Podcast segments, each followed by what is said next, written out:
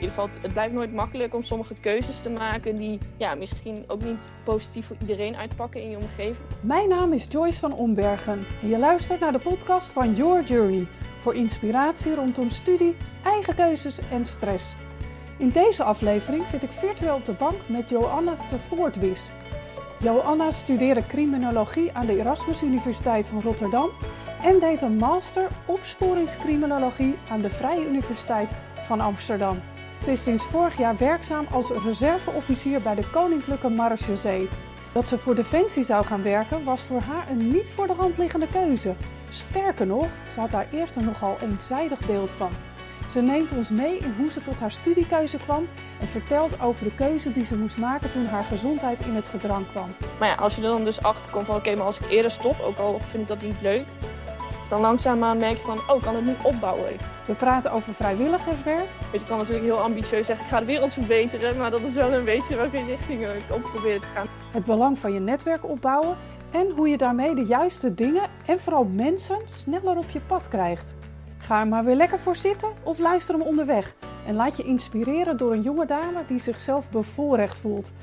En een sterke drang heeft iets voor de wereld te betekenen. Veel luisterplezier! Goedemiddag Johanne. Goedemiddag. Hi. Fijn dat jij tijd voor mij wil maken om uh, in gesprek te gaan over uh, ja, jouw loopbaan en uh, je studiekeuze. We hadden het net even, ja, in het vorige gesprek even over, je bent 24 en ehm, ja, volgens jouw LinkedIn-profiel ben je reserveofficier bij de Koninklijke Marechaussee. Ja, dat klopt. Ja, dan ben ik en ongetwijfeld de luisteraars ook benieuwd naar hoe ben je daartoe gekomen? Wist jij al van jongs af aan, nou, dit is wat het gaat worden later? nee, nee, zeker niet. Nee, ik, uh, um, ja, hoe ik bij, bij Defensie en, en de Marchesee uit ben gekomen, dat is uh, best wel een uh, lang verhaal vanaf het begin. Maar als je inderdaad zegt van nou, wist je als jong meisje al dat je bij de Marchesee ging werken of bij Defensie, dan had ik echt gezegd nee.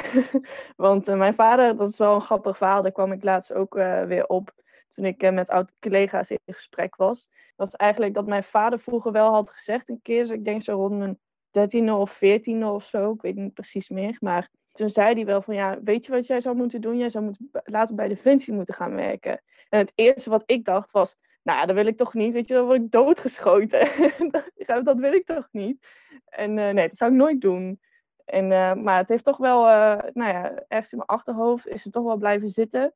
Um, want ja, vroeger wilde ik of juffrouw worden of politieagent. Dus er zat wel een beetje die richting op. Alleen ja, mijn, mijn beeld van defensie was natuurlijk heel bekrompen. Van, uh, oh ja, dat is alleen het leger en je gaat uh, op, ja, in, in Engeland ga je schieten. Maar dat is natuurlijk helemaal niet wat defensie nou ja, in zijn totaliteit inhoudt. Nou ja, en ik, toen, nou toen ik uiteindelijk naar een keuze, of in ieder geval naar een bijbaantje aan het zoeken was wat in, binnen mijn studiekeuze paste, een beetje mijn richting. Toen kwam ik bij een uh, organisatie uh, binnen Defensie, Defensie College, die voor WO-studenten, want ik deed toen een universitaire opleiding, eigenlijk jou, jouw werkplekken kan geven bij nou, verschillende teams binnen Defensie, om jou als WO te laten zien vanuit dit is mogelijk voor jou om, om binnen Defensie te kunnen doen. En nou, daarvoor word je dan reservist en zo ben ik toen uiteindelijk toen ik daar wat werkplekken had gedaan als bijbaantje en ik was afgestudeerd, toen uh, was ik op zoek naar een fulltime plekje en uh, gewoon als reservist doorgestroomd. Wow. Dus, uh, ja. Wat mooi. En je vader had er stiekem gelijk, achteraf. Ja, ja, en ik, ik vroeg hem toen ook van, ja, hoe kom je daarbij? Weet je, hoezo zeg je dat ik bij de fans moet werken? Wil, wil je dat doodgeschoten wordt? Dat was echt gewoon letterlijk wat ik zei volgens mij. En toen zei hij van, nee ja, nou je bent gewoon sportief en je wil graag mensen helpen. En uh, nou, ik denk dat dat een plek is waar, dat, uh, waar je dat goed kan doen. dus uh, ja, het is toch wel, toen ik ging zoeken naar een bijbaan, toen zat dat toch in mijn achterhoofd van, nou ja, wat kan ik nou zoeken binnen mijn nou, criminologische achtergrond. Ik heb dus criminologie gestudeerd. Nou ja, dat ik toch, toen ik ging googlen, toen was het toch een beetje van, als je zoekt op criminologische bijbaan, dan, dan snapt Google je niet. Dan denk je zo criminologisch, hè? Wat bedoel je? En uh, ja, dan krijg je alleen maar uh, van die baantjes als griffier en zo. En die kunnen natuurlijk ook heel waardevol zijn. Maar ja, ik ben in, in zes geen jurist. Dus uh, toen ging ik toch wat verder googlen. En toen met, met dat, die opmerking van mijn vader in mijn achterhoofd, dacht ik van, nou, laat ik toch maar eens googlen op bijbaan Defensie of student Defensie of zo. Nou ja, toen kwam bij Defensie College uit en zo is het een beetje dat balletje gaan rollen. Ja, wat goed zeg. Dus ja, eigenlijk toch uh, op een hele bijzondere manier. En ik vind dat je zegt, ja, Google begreep het niet. We kunnen tegenwoordig niet alles googlen, maar niet alles uh, ja, is... Uh, ja, je kan het proberen, maar uiteindelijk was het dan toch dat stemmetje, hè, dat zaadje wat je vader al die jaren geleden had geplant. Wat er dan ja. terug, terugkomt. Wat mooi hey, en ehm, het pad daar naartoe, want je gaf aan, ik, ik wilde eigenlijk juf worden of politieagent. En uh, dat is mhm. later wel uh, veranderd. Je hebt criminologie gestudeerd. Hoe kwam je tot die keuze? Ja, dat was, uh, ik, van jongs af aan was ik wel altijd ja, een persoon waar heel veel mensen naartoe kwamen om, om dingen te vertellen. En uh, waarschijnlijk omdat ik vooral luisterde. En uh, nou ja, zo, zo leerde ik natuurlijk van alles over, over mensen. En ik wilde altijd graag die mensen helpen. En nou ja, toen, ik was, raakte eigenlijk gewoon heel erg geïnteresseerd in, in het gedrag van mensen. Van waarom doen mensen nou de dingen die ze doen en waarom doen ze dingen die niet mogen? En hoe ouder je wordt natuurlijk ga je dat wat uitbreiden. En uh, natuurlijk ook met het idee dat ik... Uh, ja, ik vond politieagent worden natuurlijk ook heel interessant. Dus dat was nog een beetje dat, dat niet mogen, niet kunnen uh, gedeelte van, van het gedrag. Maar ja, als je net uh, op de middelbare school bezig bent en uh, wel wat verhalen hoort over studies, maar ja, dat, dat vooral als je natuurlijk niet in een grote stad bent opgegroeid, dan, dan weet je niet zo heel goed wat er allemaal nog te, vinden is uh, in, in academische wereld en weet ik veel wat allemaal. Dus uh, ik ben toch eigenlijk gewoon een beetje eh, gaan ja, met studiekeuzes, allemaal websites gaan nastruinen. En we hadden van die verplichte opdrachten op kompas op de middelbare school. Moest je allemaal testjes uitvoeren. Nou ja, kwam altijd wel een beetje in, de, in die richting van of psychologie of, of strafrecht, rechtsgeleerdheid, dat soort dingen uit. Omdat ik nou ja, dus gedrag heel interessant vond. Dan denk je heel gauw, oh, dan moet je psychologie gaan doen. Alleen bij psychologie had ik zoiets van, ja, vind ik heel interessant. Maar eigenlijk een deel ervan vind ik interessant. Ik wil niet zelf een praktijk openen of, uh, nou ja, mensen uh, ja, echt één op één uh, begeleiden en dat soort dingen. Ik vind gewoon, nou ja, de gedragskundige de kant daarachter heel interessant. En bij strafrecht vond, ja, een beetje hetzelfde als met rechtsgeleerdheid. Ik vond rechten, maar vooral strafrecht heel interessant. Van, nou ja, dus de dingen die je wel en niet mag doen, voornamelijk niet natuurlijk. En hoe dat geregeld is en hoe mensen daarop reageren.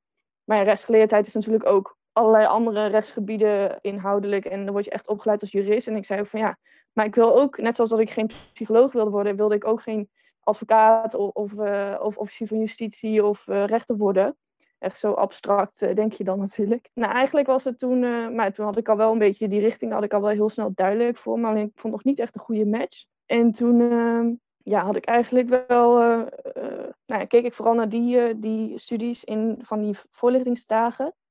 En toen gingen we een keer naar, naar Universiteit Twente in Enschede. En daar, daar waren allerlei verschillende voorlichtingen. Dus van hun eigen studies, maar ook van andere universiteiten.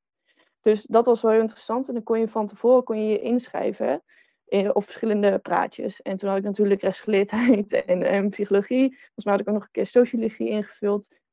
En, uh, maar ik zag ook criminologie ertussen staan. Nou, daar had ik nog nooit van gehoord. Dus ik dacht, nou, ik las een beetje wat er stond. En ik dacht, nou, dat kan nog wel eens heel interessant worden. dus uh, was, uh, was van Rotterdam, Erasmus Universiteit, die kwamen naar spreken over criminologie. En toen ik daar ging zitten uh, en nou ja, een beetje ging vertellen, ja, ik was gelijk helemaal zo, ja, dit is het. Dit is echt precies de combinatie van rechtsgeleerdheid en psychologie en sociologie dat bij elkaar komt. Dat is eigenlijk gewoon, criminologie is nou ja, heel moeilijk uit te leggen, maar in, in, uh, in essentie is het eigenlijk vanuit allerlei disciplines, dus rechtsgeleerdheid, uh, psychologie, sociologie, maar ook antropologie, biologie, uh, geografie. Je kunt er op allerlei manieren naar kijken. En wat is dat? Waarnaar kijk je dan? Nee, dat is dan dus criminaliteit. En uh, daar zit zoveel omheen. En dat is echt precies wat ik nou, nou eigenlijk zocht. Wat, uh, die combinatie. Dus toen viel het eigenlijk allemaal op zijn plek. En het enige wat ik toen moest uitzoeken was... ja, waar, waar ga ik studeren? Ja, inderdaad. ja. Dit was eigenlijk in de derde of vierde klas of zo. Dus dat, ik was er eigenlijk vrij snel uit. Ja, wat goed zeg. En je gaf aan dat je in Enschede uh, daar meer informatie over kreeg, maar uh, van de opleiding vanuit Rotterdam. Waar ben je uiteindelijk ja. gaan studeren? Ja, in Rotterdam. Rotterdam, je hoort ja. het ook een beetje. Ja, ja. Oh, ja, klopt, dat hoor ik vaker, ja. Ja, maar ik heb daar vier jaar gewoond, dus uh, ja, ik, dan neem je dat ook wel een beetje over. Ja, ik, ja, criminologie kun je natuurlijk, nou ja, nou, natuurlijk, in ieder geval, als je criminologie studeert, weet je dat het maar op drie, drie plekken in Nederland kan. Dat is Amsterdam, Rotterdam en Leiden. En uh, naar, naar, Amsterdam wist ik van tevoren al dat ik dat niet ging doen. Want ja, daar wonen is gewoon heel erg duur. Ja. En nou, de opleiding stond op dat moment ook als bachelor niet zo heel goed aangeschreven. In ieder geval in vergelijking met de andere twee universiteiten. Dus ik ben toen, eigenlijk had ik van tevoren al wel een beetje een voorkeur voor Rotterdam. Ik weet niet waarom. Maar toen ben ik toch ook naar Leiden gaan kijken. En ik kwam daar eigenlijk aan en toen ik daar uit de trein stapte, toen had ik eigenlijk al gelijk het gevoel van, ja nee, dit is hem niet. Dus hier voel ik, hier voel ik hem niet helemaal. En dat kwam denk ik ook, nou ja, ik kom natuurlijk uit een, uit een dorp. Ik was juist wel, waar sommige mensen dat juist hebben van, ook wel naar een kleine school, gemoedelijk en zo, had ik juist meer zo van, ik wil de wereld zien, ik wil pad, ik wil gewoon helemaal mijn eigen, eigen persoon worden. Nou ja, dat kun je natuurlijk ook prima leiden, maar ik, uh, ik wilde echt een beetje mijn eigen leven op gaan bouwen. En in Leiden heb je heel erg, het is een prachtige universiteit met hele, hele goede aangeschreven uh, opleidingen. Maar daar heb je heel veel, uh, zijn de faculteiten eigenlijk allemaal verspreid over gebouwen in, in de stad. Ja. En er is niet één campus, niet een gezamenlijk gedeelte. Dus als jij uh, mensen wil leren kennen buiten jouw faculteit, jouw studie, dat, had ik, dat idee had ik toen in ieder geval. Dat was eigenlijk dat je dan naar een studentenvereniging moest gaan. En daar zat ik op dat moment niet zo op te wachten. Want ik had al um, heel veel verplichtingen vanuit eh, wat voor verenigingen in, uh, in mijn geboortestad, geboortedorp moet ik zeggen. Ja. Waarbij ik dus niet echt zat te wachten op een studentenvereniging. En het voelde gewoon eigenlijk een beetje Amsterdam in het klein. En nee, dat, dat, dat, dat, vond ik gewoon niet echt leuk. Nee. Dus toen uh, ben ik naar Rotterdam gegaan voor open dag. En ja, toen ik daar uitstapte was het echt gelijk, hier voel ik me thuis, dit is het helemaal. En nou, toen was het eigenlijk alleen nog maar een beetje rondkijken van vind ik het echt mooi en leuk en uh, past deze manier van werken ook uh, bij mij. Want Rotterdam heeft dan het probleem gestuurd leren. Dat is een andere manier van uh, nou, studeren eigenlijk. En niet alleen maar luisteren in hoorcolleges en proberen werk te doen in een werkcollege. Maar eigenlijk ja, is het niet heel, heel intensief met informatie bezig gegaan. in ieder geval niet zo intensief als dat je het met probleemgestuurd leren deed. En ik had op dat moment soms wat, lastig, uh, wat last met, met mijn concentratie. Uh, waardoor het probleemgestuurd leren voor mij ook echt een uitkomst was. Want dan ga je echt, nou ja, dan krijg je, stel je samen een uh, aantal vragen op een aantal leerdoelen op basis van een casus. dus je gaat eerst zelf echt over het probleem nadenken van oké, wat voor vragen poppen we hier nou op? En dan word je wel begeleid met een tutor. Zo van als je een verkeerde kant op gaat, dan sturen ze wel iets bij, maar ze proberen het je vooral zelf te laten doen. En als je die vragen hebt opgeschreven, dan ga je allemaal uit elkaar en dan ga je dus je zelfstudie doen. Uh, op basis van de voorgeschreven literatuur en de hoorcolleges die je hebt. En dan kom je twee dagen later kom je weer terug bij elkaar. En dan ga je alles wat je hebt gevonden, ga je echt uh, mondeling met elkaar bespreken. En aan elkaar uitleggen en uh, bediscussiëren. Waardoor je echt zo actief met de stof bezig bent dat eigenlijk als je vijf weken later je tentamen moet maken, dat als je het doorleest, dat je eigenlijk denkt van, oh ja, dit hebben we toen besproken. Oh ja, dit zei deze, op die persoon, uh, op deze manier werd dat toen verteld. Goed om ja, voor mij werkte dat ja. ja. voor, mij, voor mij werkte dat systeem gewoon heel goed. Sommige mensen die, die vinden het juist echt verschrikkelijk. Die zeggen van, nou nee, moet ik uh, elke dag uh, pff, allemaal bespreken. En ja, zet mij maar gewoon in een hoorcollege en dan pen ik wel alles mee. En dan ga ik het leren en dan haal ik een 8.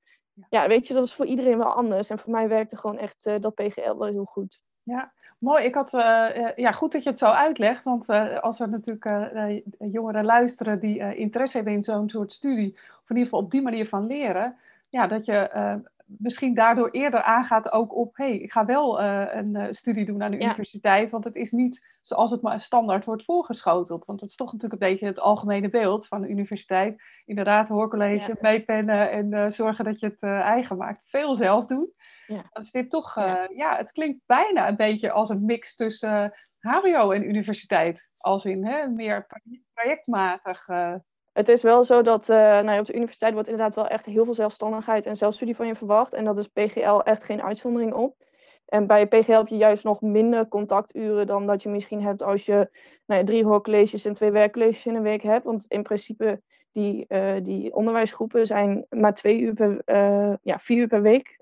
Twee uur op bijvoorbeeld dinsdag en twee uur op donderdag. En dan heb je op woensdag vier uur college. Um, dus dat zijn super weinig contacturen. Alleen daardoor wordt er wel echt van je gevraagd, want je bent wel heel intensief met de stof bezig. En je wordt wel nou ja, goed begeleid. Maar er wordt wel echt gevraagd of dat je echt voorbereid uh, naar, de, naar de groep komt. Ja. En nou ja, dat je in ieder geval goed meedoet in, in, uh, in de discussies en zo. Dus er wordt inderdaad wel heel veel van je gevraagd. En ja, die blokken zijn maar vijf weken. Dus het is wel heel intensief, want je krijgt opeens superveel informatie. Het is heel ineens gewoon direct heel diepgaand.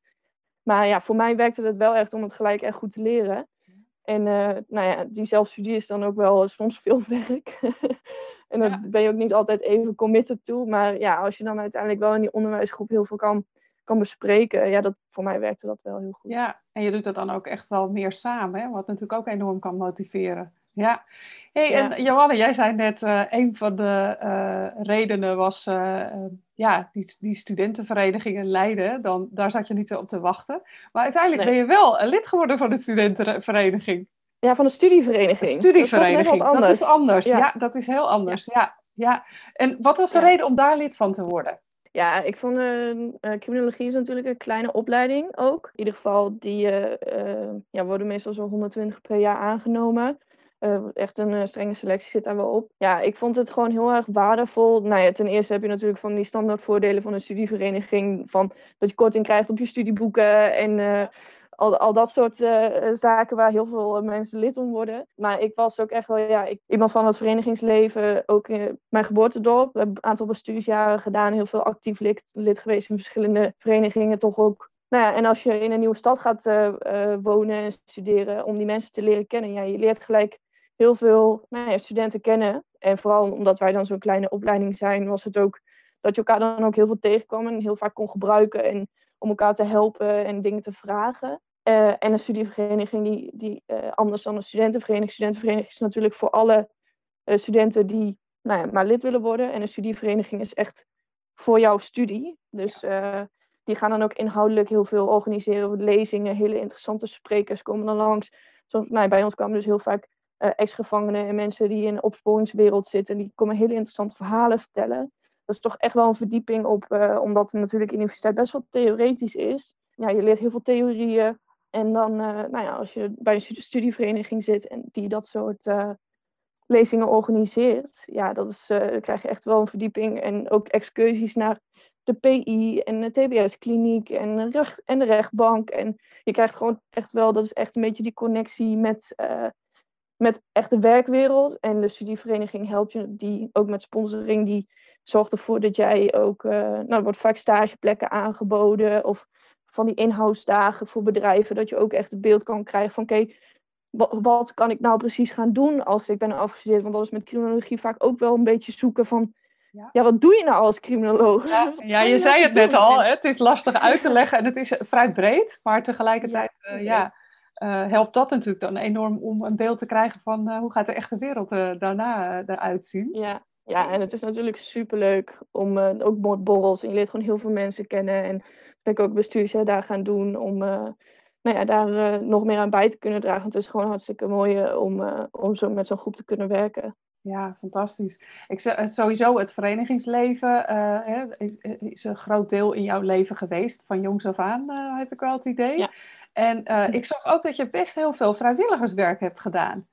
Ja, klopt. Ja. En, uh, ik zag het Rode Kruis en uh, iets met een taalproject voor kinderen, maar ook ouderen. Het is echt heel divers. Ja. Heb je dat ja, van thuis meegekregen? Of is dat ook iets wat ja, vanuit jezelf, want je gaf al aan, ik kan goed luisteren. Nou, dat, zijn, dat helpt ja. werk, maar wat was de aanleiding? Ja, ik, ik, ja, vind ik wel een lastige vraag, maar ik denk dat het ook gewoon een beetje mijn mindset is geworden van uh, en ook, nou ja, ook wel een karaktertrek. En dan uiteindelijk ook van hoe ik uh, ben opgegroeid en waar ik zelf tegenaan ben gelopen. Dat ik gewoon heel graag wil bijdragen. Ik wil graag iets, iets, iets uh, nou ja, ervoor zorgen dat het voor, voor mensen beter wordt. Of dat het voor de maatschappij of de wereld. Ja, weet, ik kan natuurlijk heel ambitieus zeggen: ik ga de wereld verbeteren. Maar dat is wel een beetje welke richting ik op probeer te gaan. Al is het natuurlijk maar een heel kleine bijdrage. Maar dat kan voor sommige mensen toch wel heel veel impact hebben. Ja, ik weet niet of ik het per se vanuit huis heb meegekregen. Het is, ja, mijn ouders zijn ook altijd heel wel, wel heel actief geweest in uh, nou ja, of de politiek of ja, met uh, mijn vader doet bijvoorbeeld heel veel energietafels uh, in de omgeving. Hij heeft ook veel voorzittersrollen gedaan en bij de kerk helpen mijn ouders heel veel. Dus ja, maar er werd niet heel veel over gesproken. Het was gewoon een beetje van ja, dat, dat wordt gewoon gedaan. en ik heb dan eigenlijk een beetje gewoon mijn eigen passies en, en uh, standpunten gezocht. door, nou ja, door eigenlijk gewoon mijn leven te leiden en tegen dat soort punten aan te lopen. Van, nou ja, dit vind ik eigenlijk wel, uh, wel zorgelijk. Ik vind dat hier wel wat aan gedaan moet worden. Nou ja, dan, dan ga ik op zoek naar, uh, nou, op een manier waarop ik dat kan bijdragen. En dan dus, kom je dus uit inderdaad bij uh, zo'n taalproject voor, voor jongeren, het, het, bevorderen van lezen. Daar word ik heel blij van. Ik heb zelf vorig jaar een boek geschreven en ik zit oh. nu ook in een project inderdaad uh, met een school van, ja, er wordt steeds minder gelezen op school op, door kinderen. Dus dat is zo jammer, want ja, de taal gaat daarmee natuurlijk ook een beetje ja, uh, achteruit. En ja, lezen is ook zo leuk. Dus uh, mooi om te zien dat je daar dan ook een bijdrage aan leest. En ben je zelf ook een enorme lezer? Ja, nu wel weer. Ik was dat vroeger heel erg. En nou ja, als je op de middelbare school zit, dan wordt dat toch wat minder. Want dan ja, zijn er heel veel dingen die je als, als tiener en puber wil gaan ondernemen en ontdekken ik was ook een tijdje ook een beetje op zoek naar wat ik allemaal nog wel en niet leuk vond. Want ik moest echt keuzes maken, want ik werd op een gegeven moment ging mijn gezondheid best wel achteruit. Moest ik echt keu keuzes gaan maken van, nou ja, ja Jo, vroeger deed je alles. Ik, ik deed echt bijna elke sport die je maar kon bedenken. En ik deed alles tegelijk, muziek maken, spelen, nou ja, de, lang op school zitten. Dat waren echt wel intense roosters die er toen waren. En natuurlijk heel veel schoolwerk, maar ook veel sporten eromheen. Nou, en op een gegeven moment kon dat gewoon niet meer. En uh, zei ze, nou joh, je moet kiezen. Ga je dansen, voetballen, muziek maken of, nou kies maar. Maar ja, je kan niet meer alles doen. En nou, eerst heb ik me daar heel lang tegen verzet. Maar ja, dat, dat gaat natuurlijk alleen maar slechter en ten koste van je, gezondheid. En dan is het juist alleen maar van dat het langer duurt. Dus uiteindelijk toch maar bij neergelegd en ingezien van ja, ik moet nu echt wel even nou, drastisch wat stappen terug doen om weer te komen waar, uh, waar ik wil zijn. Dus ja, ik denk dat ik op die manier ook wel een beetje daar, daardoor ben gaan kijken van, om mensen daar toch te helpen. En, dus ik, eigenlijk, eigenlijk ook vanuit je eigen ervaring, hè? dat je gemerkt hebt van ja, soms ja, vraagt het leven iets anders aan je. Dus dan moet je inderdaad ja. andere gezonde keuzes maken. Ja. De, de, podcast hier gaat ook over hè, gezonde eigen keuzes, maar ook over stress en, en inderdaad je studiekeuze. Ja. Maar die eigen keuzes, ja, als je ze echt ook zelf maakt. En ik hoor ook dat je toch eerst even stil moest staan van oké, ja, hm, is dit nou wel uh, nodig? Maar ja, ja, op het moment dat je het dan wel doet, ja, dan komt het uiteindelijk ja. ook wel goed. Zie je dat ook zo? Dat je uiteindelijk toen je die keuzes gemaakt hebt, dat dat uiteindelijk ja, veel beter was? Ja, ik weet niet of dat direct al was toen ik die keuzes had gemaakt. Want ja, toen was ik eigenlijk nog steeds heel erg boos. Van uh, ja, waarom moet het nou? En uh, waarom eh, kan ik niet gewoon doorgaan? En, maar ja, oké, okay, het moet maar. Nou, als ik over een half jaar ook maar gewoon weer op het voetbalveld sta. Ja, je, zo ja, op die ja. manier. Dus het was niet direct dat ik het idee had van, het was nog steeds, ja, soms ben ik daar een beetje te, te ambitieus en, en doelgericht in. Maar toen, toen ben ik gaan werken met een ehm, fysiotherapeut in, in het ziekenhuis. En die leerde mij gewoon echt om te luisteren naar mijn lichaam van oké, jouw grens ligt nu heel erg laag. En je moet dan aanvoelen van wanneer je nou ja, daar bijna overheen gaat. Wanneer jouw lichaam zegt oh, stop. Nou ja, een paar eerste keer ga je daar gewoon nog steeds overheen, maar daar leer je van. En als je je daar gewoon bewust van bent, en dat is in het begin heel frustrerend, maar je moet er eerst bewust van worden van oké, okay, waar ligt mijn grens en, en dus wanneer moet ik stoppen? En dan merk je dus van wanneer je dat ook doet. Want mensen denken van ja, ik kan toch wel prima, dan lig ik maar een dagje ziek op bed. Ja. Maar ja, als je er dan dus achter komt van oké, maar als ik eerder stop, ook al vind ik dat niet leuk, dan langzaamaan merk je van oh, ik kan het nu opbouwen. Ik kan nu uh, een minuutje langer lopen. Of uh, ik kan nu een, een, eh, een, halve minuut langer rennen. Of uh, dan dat ik dat de vorige keer kon. En oh, maar ik voel dat ik nu moet stoppen. Dus nou ja, en dan ga ik dus volgende week kan ik dan toch weer een minuutje langer lopen. Ja ja, dan, dan uh, ga je daar toch wel anders naar kijken als je. Uh, maar dat moet, moet je echt wel een beetje ingeprint worden. Ja, maar het is inderdaad, ja. uiteindelijk, uiteindelijk komt het zeker goed. En daardoor ben ik, is mijn mindset echt wel veranderd. Want eerder was ik uh, ja, ook gewoon, gewoon doen en gewoon gaan. Ja. En nou ja, nu denk ik altijd wel, het is niet dat ik overal nu eerst een heel, heel betoog voor mezelf opschrijf of ik het wel of niet moet gaan doen. maar het is wel dat ik dan vaker erbij stilstaan van oké, is het nu verstandig om het op deze manier aan te lopen? En in ieder geval, nou, ik, ik heb er wel altijd vertrouwen in, in dat als ik een keus maak, dat op dat moment voor mij goed voelt. Dan denk ik van oké, okay, nou, nu voelt het goed, dus nu, uh, nu maak ik die keus, want dat wil ik nu. Ja. Nou, en als het dan uiteindelijk uh, wel of niet goed uitpakt, nou ja, dan heb ik het in ieder geval gekozen op dat moment dat, dat dat toen wel voor mij werkte. En als het dan uiteindelijk blijkt dat het toch niet helemaal jouw weg is, ja, dan ga je dan weer kijken van oké, wat is dan nu wat voor mij werkt? Wat heb ik daar nu voor nodig ja. uh, om te komen waar ik wil zijn? Um, ja, dus... En zo moet je dat eigenlijk door. Uh, ja, daar hadden we het in het voorgesprekje al even over, uh, ook over. Ja. Over verkeerde keuzes, dat die eigenlijk niet bestaan. Hè? Daar was jij het ook nee. mee eens. Nee. Ja. nee, dat is dan even tijdelijk een, een zijpad. En ja, blijkbaar is de weg dan anders. Ja. ja. Ja, ik denk dat soort, dat soort wegen moet je ook inslaan, want anders leer je er niks van. Dan kom je ook niet verder. Ik denk dat je dan eigenlijk misschien ook, ik denk dat je dan echt, echt uh, lessen en, en routes in je leven mist.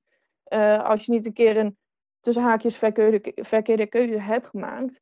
Want uh, ja, dan leer je eigenlijk heel weinig over jezelf. En dan denk je eigenlijk van, oh, nou, het zou natuurlijk super mooi zijn als mensen dat hebben, dat ze eigenlijk altijd gewoon vooruit kunnen denderen en dat alles helemaal goed gaat. En nou ja, het lijkt, zou een heel leuk leven kunnen zijn. Maar ik denk dat ik die verdieping dan wel nou ja, zou missen. Want nou ja, ik denk juist dat je er meer van leert als je af en toe een keer bij een punt komt en denkt van... Oké, dit werkt niet helemaal. Hier voel ik me niet helemaal goed bij. Of uh, oh, nou, dit, heeft niet helemaal lekker uitgepakt. Uh, nou ja, daar leer je van en dat neem je in de toekomst mee. En ik denk dat je dan veel meer over jezelf ook te weten komt. en daar later ook weer profijt van hebt in of relaties of, of de manier waarop je werkt. Dat je toch wat meer rekening met jezelf houdt. Uh, dan dat je telkens een beetje op het randje balanceert.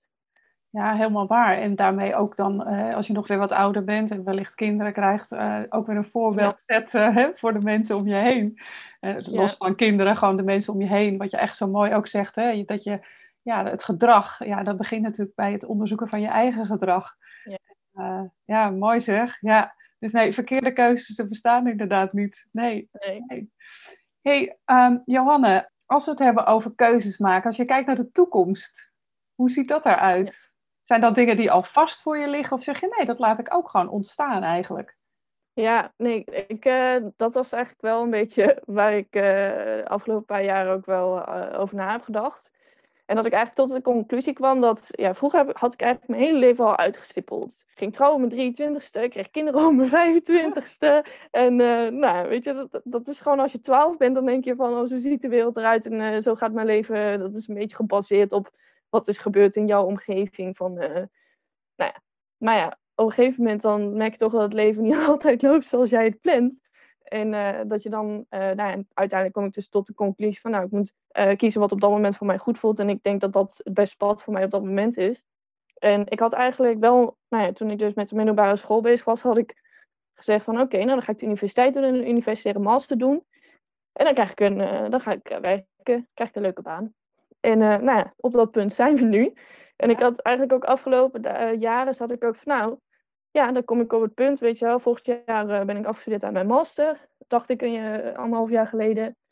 Zo van, ja, nou, dat was eigenlijk... En dan zie ik ook wel eigenlijk wel wat voor baan er op mijn pad komt. En dat was natuurlijk ook omdat ik toen al met Defensie College bezig was. Dus dan had ik al wel een beetje idee van... Nou ja, als we dan gewoon een leuke... Dan ga ik gewoon een beetje oriënteren binnen, binnen nou ja, mijn contacten binnen Defensie. En vanuit mijn met studievereniging heb je natuurlijk ook een heel netwerk opgebouwd ga ik gewoon een beetje kijken van, wat vind ik interessant? Wat komt er op mijn pad? En dan begin ik gewoon ergens. En dan zie ik eigenlijk wel, nou ja, wat, uh, nu kom ik dus eigenlijk, ik heb in principe voor een jaar afgesproken dat ik een project werk uh, binnen de Marge C. En nou ja, ik kan langer blijven, maar uh, ik ben ook aan het kijken van, nou, wat is er nog meer te doen binnen de Marge C, wat ik interessant vind en wat zijn dan de mogelijkheden? Daar ga ik nu gewoon met mensen over in gesprek om te kijken ja, dan ik zit nu eigenlijk gewoon een beetje erin van, ja, ik heb eigenlijk alles wat ik gepland had, dat heb ik nu gedaan. Ja. Ooit zit er nog wel een gezin in de, in de planning, maar dat zien we ook wel van wanneer dat komt. Ja. Uh, en als dat komt, of dat komt, dat zien we dan wel weer. Maar ik ga nu gewoon telkens een beetje van, ja, op wat er op me afkomt. En natuurlijk leef ik niet helemaal zonder plan, want ik denk niet van, oh ja, het is weer een nieuwe dag. God, wat ga ik vandaag doen? Zo zit het ook in. Zo zit het ook weer niet, nee. Nee, maar het is wel uh, van, nou ja, uh, ik zie wel van wat voor functie er op mijn pad komt. Ik heel graag ooit een, een scenario-analyst in een team grootschalig onderzoek willen zijn. Of ik wil later heel graag een keer met cold cases werken. Dat soort, ik ben wel bepaalde richtingen die ik interessant vind. Maar ja, ik ben, ik ben nog niet eens 25, dus ik mag nog, een, nog flink wat jaren werken. En ik vind gewoon, ik wil eigenlijk gewoon zoveel mogelijk functies en dingen zien. En ook in het buitenland. Ik zou gewoon zoveel mogelijk nog, uh, ja, en juist daar leven van, denk ik, als je heel verschillende dingen ziet en doet. Ja. Dus dan zie ik eigenlijk van, als er iets op mijn pad komt waarvan ik denk van, oh, dit vind ik nu heel tof, dat wil ik nu heel graag doen. Het werk helpt me een beetje in de richting van uh, die ik op wil, dan, dan doe ik dat. Dus buitenland is zeker ook een optie. Ja, ja, dat wil ik echt nog wel graag doen. Ja, daar was ik vroeger dus helemaal niet van. Heel raar. Maar uh, ja, als je toch een beetje je eigen, je eigen wereldje creëert en je eigen leven opbouwt als je op jezelf gaat, dan uh, kom je toch ook vaak uh, wel weer nieuwe, nieuwe inzichten tegen. In ieder geval krijg je toch wel ideeën en, en mogelijkheden die je misschien eerder niet zo voor ogen had. Of dan denk je eerder net zoals met de fans, dat ik dacht dat je echt een beeld hebt ergens van. En dat je dan achterkomt dat het eigenlijk helemaal niet echt klopt. Nee. Um, dus nou ja, dan stel je dat weer een beetje bij en dan maak je er weer iets moois van. Fantastisch. Ja, mooi voor de luisteraars ook. Hè? Er zullen ongetwijfeld ook jongeren luisteren en denken... hé, hey, hier herken ik me een beetje in. Ik uh, zit ook in zo'n uh, vast tramien van zo is het uh, bedoeld. En dat verwacht de mm -hmm. buitenwereld wellicht ook. Maar ja. ja. je kunt altijd weer nieuwe keuzes maken. En in jouw geval ben je gewoon echt in een nieuwe stad opnieuw begonnen. Ja, en dan ligt ja. alles weer open. Het is gewoon een ja. uh, lege schilderij wat je weer in mag gaan kleuren. En, ja, uh, zeker. Dat is uh, aardig aan het lukken als ik je verhaal zou beluisteren. Ja, ja, ja, ik, heb, ja ik realiseer me wel echt dat ik echt heel erg, toch wel echt heel veel privileges heb gekregen. Van, nou ja, dat is, ik ben natuurlijk, nou ja, dat ik uiteindelijk de middelbare school VWO heb mogen doen. En een ruimte heb gekregen op de universiteit om te studeren. En dat mijn ouders in principe heel goed verdienen. Dat, dat ze mij dat ook nou ja, daarin hebben kunnen steunen. En ik realiseer me wel echt dat dat niet voor iedereen zo, zo makkelijk gaat. Maar ja, ik, uh, ook in deze, in deze uh, nou crisis uh, met, met COVID-19, coronavirus natuurlijk. Ja, er zijn ook heel veel mensen die heel erg strukkelen met een baan vinden. En ik realiseer me natuurlijk heel goed dat, dat dat eigenlijk voor mij best wel voor de wind gaat. Alleen, ik blijf natuurlijk ook altijd heel ambitieus en kritisch op mezelf. Dus ik, uh, ik wil dan toch uh, altijd uh, ook nog wel weer stappen maken. Ja, en dat, maar, is, ja. dat is je goed recht, hè? Dat is je goed recht. Ja. Je werkt er ook hard voor. En ik ja. hoor iemand die zich ook met hart en ziel inzet voor haar medemens. Want ook naast dit project, je bent nu volgens mij ook nog als vrijwilliger aan het werk. Ja, klopt. Ik, um, ja, natuurlijk heel veel vrijwilligerswerk is een beetje stil komen te liggen. Alleen ja, vanaf het moment vorig jaar maart dat, dat we de eerste lockdown ingingen, toen heb ik me direct aangemeld als Ready to Helpen bij het Rode Kruis. Ik had natuurlijk eerder al dat, dat Sylvie-project van de taal uh, is voor iedereen van het Rode Kruis was dat toen. En, uh, dus ik had al wel connecties bij het Rode Kruis. En, maar toen kwam vorig jaar maart kwam er een oproep voor Ready to Helpers, die eigenlijk bij ziekenhuizen en verpleegtehuizen gingen helpen om of de triages goed te doen of het verpleegkundige personeel te ondersteunen en te ontlasten. Omdat er natuurlijk wel heel veel opeens natuurlijk op hun schouders terecht kwam. En dat wij eigenlijk bijvoorbeeld in een verpleeghuis uh, met, uh, met, uh, ja, met de patiënten daar bezig gingen. En dan hoef je helemaal geen zorgachtergrond te hebben of zo. Maar gewoon met die mensen een praatje maken, ze eten geven, eten klaarmaken, puzzel maken, rondje lopen. Ja, zodat het in ieder geval toch weer wat scheelt voor die verpleegkundigen en, en de mensen in, in het tehuizen. En in de ziekenhuizen zich ook uh, nou ja, hun eigen plekje kunnen krijgen. En toen uh, nou, werd toch Ready to Help iets minder. Want die ondersteuning nou ja, na bijna een jaar, ik denk dat het vorig jaar december of zo, ik mijn laatste diensten gedraaid. Daarna kwamen er niet zo heel veel oproepen meer. Omdat het toch een beetje ook in de, in de zorgomgeving een beetje ingebed werd en het allemaal wat rustiger werd. En dat die ondersteuning niet per se, meer echt noodzakelijk was. En toen uh, kwam er een oproep voor eh, de bron- en contactonderzoek. Um, uh, vrijwilligers daarvoor. Dat, dat was al wat langer gaande, maar dat had ik nog niet uh, meegekregen. En dan help je dus vanuit Rode Kruis met de monitoring uh, van de GGD. Om, die bron en ja, om dat bron- en contactonderzoeken uit te voeren. En wij doen dat dan niet bij de mensen die zelf een positieve test hebben gekregen, maar bij hun contacten. Oké. Okay. En dan bellen we dus van, nou, dat zijn natuurlijk mensen die vijf tot tien dagen of langer in, quarantaine, moeten. Nou ja, en die bel je dan op van ja, hoe gaat het? En niet alleen voor de monitoring, voor de administratie van de GGD. Maar als Rode Kruis vrijwilliger ben je natuurlijk ook ja, voor die mensen. Dus sommige mensen die zitten al, sommigen zitten wel tien of vijftien dagen binnen. Ja, dat is natuurlijk ook niet ja, niks. En die hebben dan ook even een luisterend oor nodig. En nou ja, het is, uh, ja, het is altijd weer een beetje de vraag wie je aan de lijn krijgt en hoe die erin staat. Ja. Maar sommigen zijn heel blij dat je belt en sommigen die vinden het echt verschrikkelijk. En sommigen vinden het dan ook wel weer, uh, nou ja, als je dan wat dingen hebt uitgelegd, want het is natuurlijk ook best wel lastig, al deze regels. Dus dan is sommigen vinden het dan ook wel weer fijn dat je even wat verdieping biedt of dat ze wat vragen kunnen stellen. En uh, in ieder geval dat ze het idee hebben dat, er, dat ze er niet alleen voor staan. Nee, en nu, uh, ja, en ik heb altijd al wel meer met EHBO willen doen. Ook vanuit, nou ja, dat kwam ook een beetje, ik was vorig jaar op oefening in, in Duitsland met, met Defensie.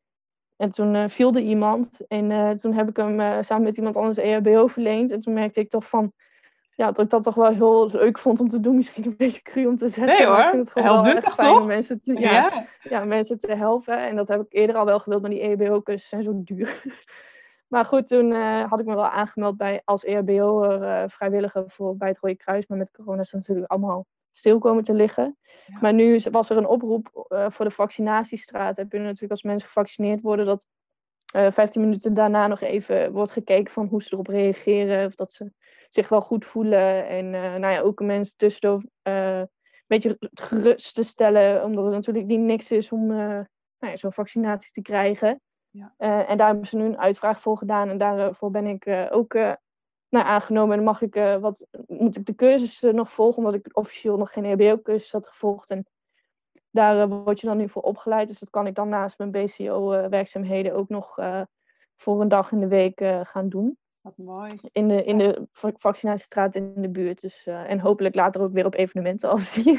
Precies, ja, weer op, op, leuke, op leuke events, inderdaad. Ja, ja, ja. Nee, ja, het is gewoon heel fijn om mensen te kunnen helpen. En met toch een beetje dat contact te kunnen maken. Ook al, ja, je hebt natuurlijk heel weinig contact nu met mensen. In ieder geval niet sowieso niet direct. En als je dan contact hebt, dan gaat het eigenlijk alleen maar. Je, je kan elkaar bijna niks vertellen. Ja, dus je, ja, je praat eigenlijk alleen maar over je werk en over hoe vervelend alle maatregelen zijn. En, en dat corona de deur uit moet. Ja. Maar uh, ja, dus het is niet dat er in, in die vaccinatiestraat of in de gesprekken bij BCO opeens over wat anders gaat. Maar ja, dat is toch een hele andere dynamiek. En je kunt toch wel weer. Je werkt eigenlijk toe naar weer. Uh, een positievere kant ervan. Precies. Uh, en ik denk dat dat voor mezelf ook wel weer wat brengt. Precies, over mindset gesproken, hè, wat je net zei. Dat helpt natuurlijk ook om gewoon positiever te blijven en ja. Uh, ja, je steentje bij te dragen. Hey, als er jongeren luisteren die denken, hé, hey, dit klinkt wel interessant. Uh, hoe, waar kunnen ze zich uh, melden? Hè? Kun je daar zomaar ja, voor aanmelden? Of wat, wat zijn tips als je vrijwilligerswerk op dat vlak zou willen doen? Ja, ik zou gewoon sowieso gaan googlen en op het Rode Kruis, uh, de website van Rode Kruis. Uh, volgens mij is dat gewoon Kruis, rodekruis.nl, moet wel goed Nederlands uh, praten. Staat daar, er staan er allerlei vacatures. die zijn, de meeste zijn doorlopend. daar kun je dan voor aanmelden. En volgens mij staat, worden nu geen BCO-vrijwilligers meer aangenomen, omdat dat natuurlijk een beetje wordt teruggebracht. Dus als er wat minder. Uh, in ieder geval, er zijn op dit moment. Laatst kregen we een bericht dat er voldoende BCO-vrijwilligers zijn. Maar dat, je weet nooit hoe dat in de toekomst. Want vaak juist als de besmettingen omlaag gaan, wordt die monitoring van de contacten juist meer opgepakt. Omdat er daar dan tijd voor is. Ja. Uh, omdat nu vooral uh, aandacht wordt besteed aan de mensen die positief zijn getest. Dus het kan zijn dat dat weer open gaat, maar ook misschien niet. Maar voor de EHBO'ers, die zijn ze dus nu net aan het werven. dus ja, mocht je altijd EHBO uh, hebben leuk, ja, als je dat zou willen doen, of je hebt al een EHBO-certificaat, dat is natuurlijk extra mooi. Maar dan staat gewoon allemaal vacatures op de site waar je op kunt reageren. Dat is eigenlijk heel makkelijk. En net zoals mijn vrijwilligerswerk uh, dat ik bij seniorenstudent heb gedaan, uh, dat begeleiding, of in ieder geval als maatje voor een senior in het Nederlands.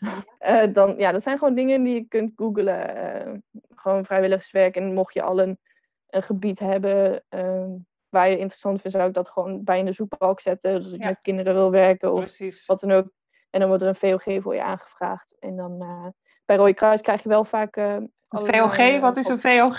Verklaring Precies. omtrent gedrag. Oh, omtrent gedrag, inderdaad. Ja, ja, Je mag aantonen dat je nou, niet met criminele dingen bent bezig geweest. Nee, dat klopt. Ja. Ja. En voor sommige, voor sommige functies binnen het Rode Kruis, zoals BCO en EHBO, moet je wel echt uh, een, uh, ja, een flinke opleiding doorlopen. Maar dat, dat, kan eigenlijk iedereen doen. Ik heb uh, bij BCO kom je alle mensen van de samenleving tegen. Die, dus iedereen kan dat doen. dus ja, als je daar tijd voor hebt en tijd voor in ieder geval voor vrij wil maken, Precies. dan kan, het, kan iedereen dat doen. En de ene heeft wat meer opleiding daarvoor nodig dan de ander. Maar je kunt eigenlijk alles op internet wel. Mooi, dus geen excuses hè. We gaan, uh, iedereen heeft al altijd vrij. En zeker nu, hè, wat er mogelijk is, ja, is natuurlijk altijd welkom.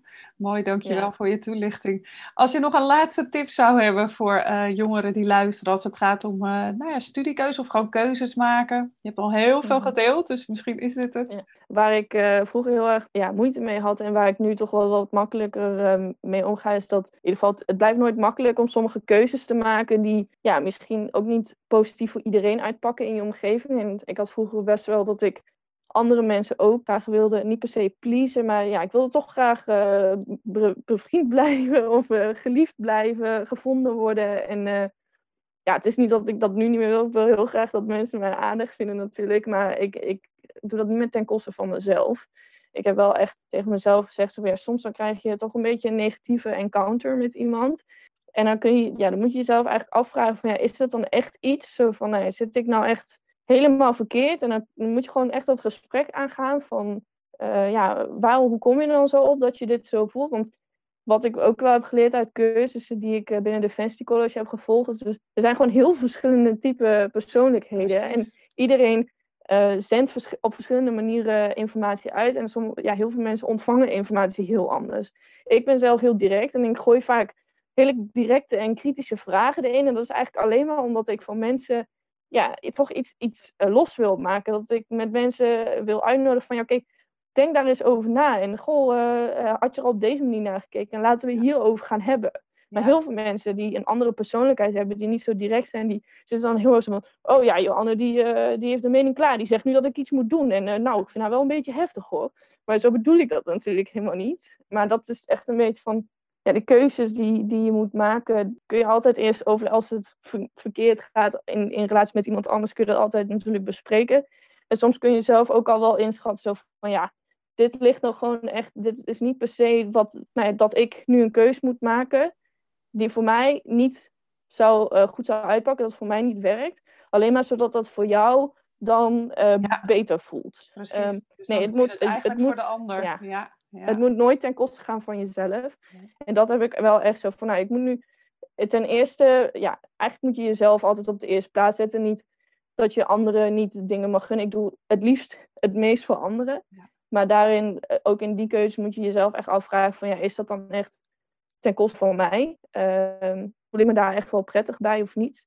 Het moet ten eerste altijd over jezelf gaan, want als je jezelf niet uh, nou ja, veel kan bieden, of als je jezelf daar niet gelukkig bij voelt, dan kun je niemand anders wat bieden in die zin. Um, natuurlijk wel proberen, maar het, het, beste komt van als jij jezelf ook echt goed uh, erachter staat van wat jij doet en wat je gekozen hebt. En daar kun je dan echt veel meer mensen mee helpen dan als je daar uh, ten koste van jezelf doet, want dan word je alleen maar ongelukkig van en je leeft maar één keer. Is uh, in principe uh, het idee. Het idee, ehm, inderdaad, ja. En het gaat, het gaat sneller dan je denkt. Ik ben misschien nog maar 24, maar ja, het gaat toch, als ik terugkijk, dat dat gesprek met mijn vader al ruim tien jaar geleden is. Ja, en waar sta je nu? Geen idee. Ja, mooi hè? Dat, uh, ja, je, het gaat heel snel. En je studententijd is ook zo voorbij. Dat vond ik echt wel jammer. Vooral omdat het nu zo raar is afgesloten in principe. Ja. Maar uh, ja, het is zo voorbij. Dus geniet er gewoon van. En, en die keuze die je maakt, ja, als er een keer uh, een gekke tussen zit, ja, leer daarvan. En maar geniet er juist van, denk ik dan. Want op dat moment lijkt het misschien heel erg het einde van de wereld. Maar twee jaar later kijk je erop terug en denk van oh joh, ja, het heeft me eigenlijk juist eh, geleerd over mezelf dat ik uh, wat uh, feller moet zijn tegen iemand bijvoorbeeld. Ja, ik zeg maar wat. Dankjewel, Johanna. Kies voor jezelf. Kies voor jezelf, dat is hem. Daar sluiten we ja. mee af. Dankjewel voor dit leuke gesprek. Ja, graag gedaan. Hiermee kom ik aan het eind van deze aflevering. Heb je een vraag? Je vindt me op Instagram via yourjourney.a. Ik vind het superleuk om daar met je te connecten. Wil je Johanne iets vragen? Dan kun je haar volgen op LinkedIn onder Johanne TV. En kun je wel wat hulp gebruiken bij het maken van keuzes rondom studiewerk of tussenjaar? Of wil je leren dealen met stress in plaats van er tegen te vechten? Ga dan naar yourjourney.academy en download mijn gratis videoserie of 30 tips tegen stress. Wil je geen aflevering meer missen? Abonneer je dan op deze podcast. En ken je iemand voor wie deze aflevering interessant is? Deel hem dan via je socials. Hiermee help je mij om nog meer jongeren te bereiken. Bedankt voor het luisteren en tot de volgende keer.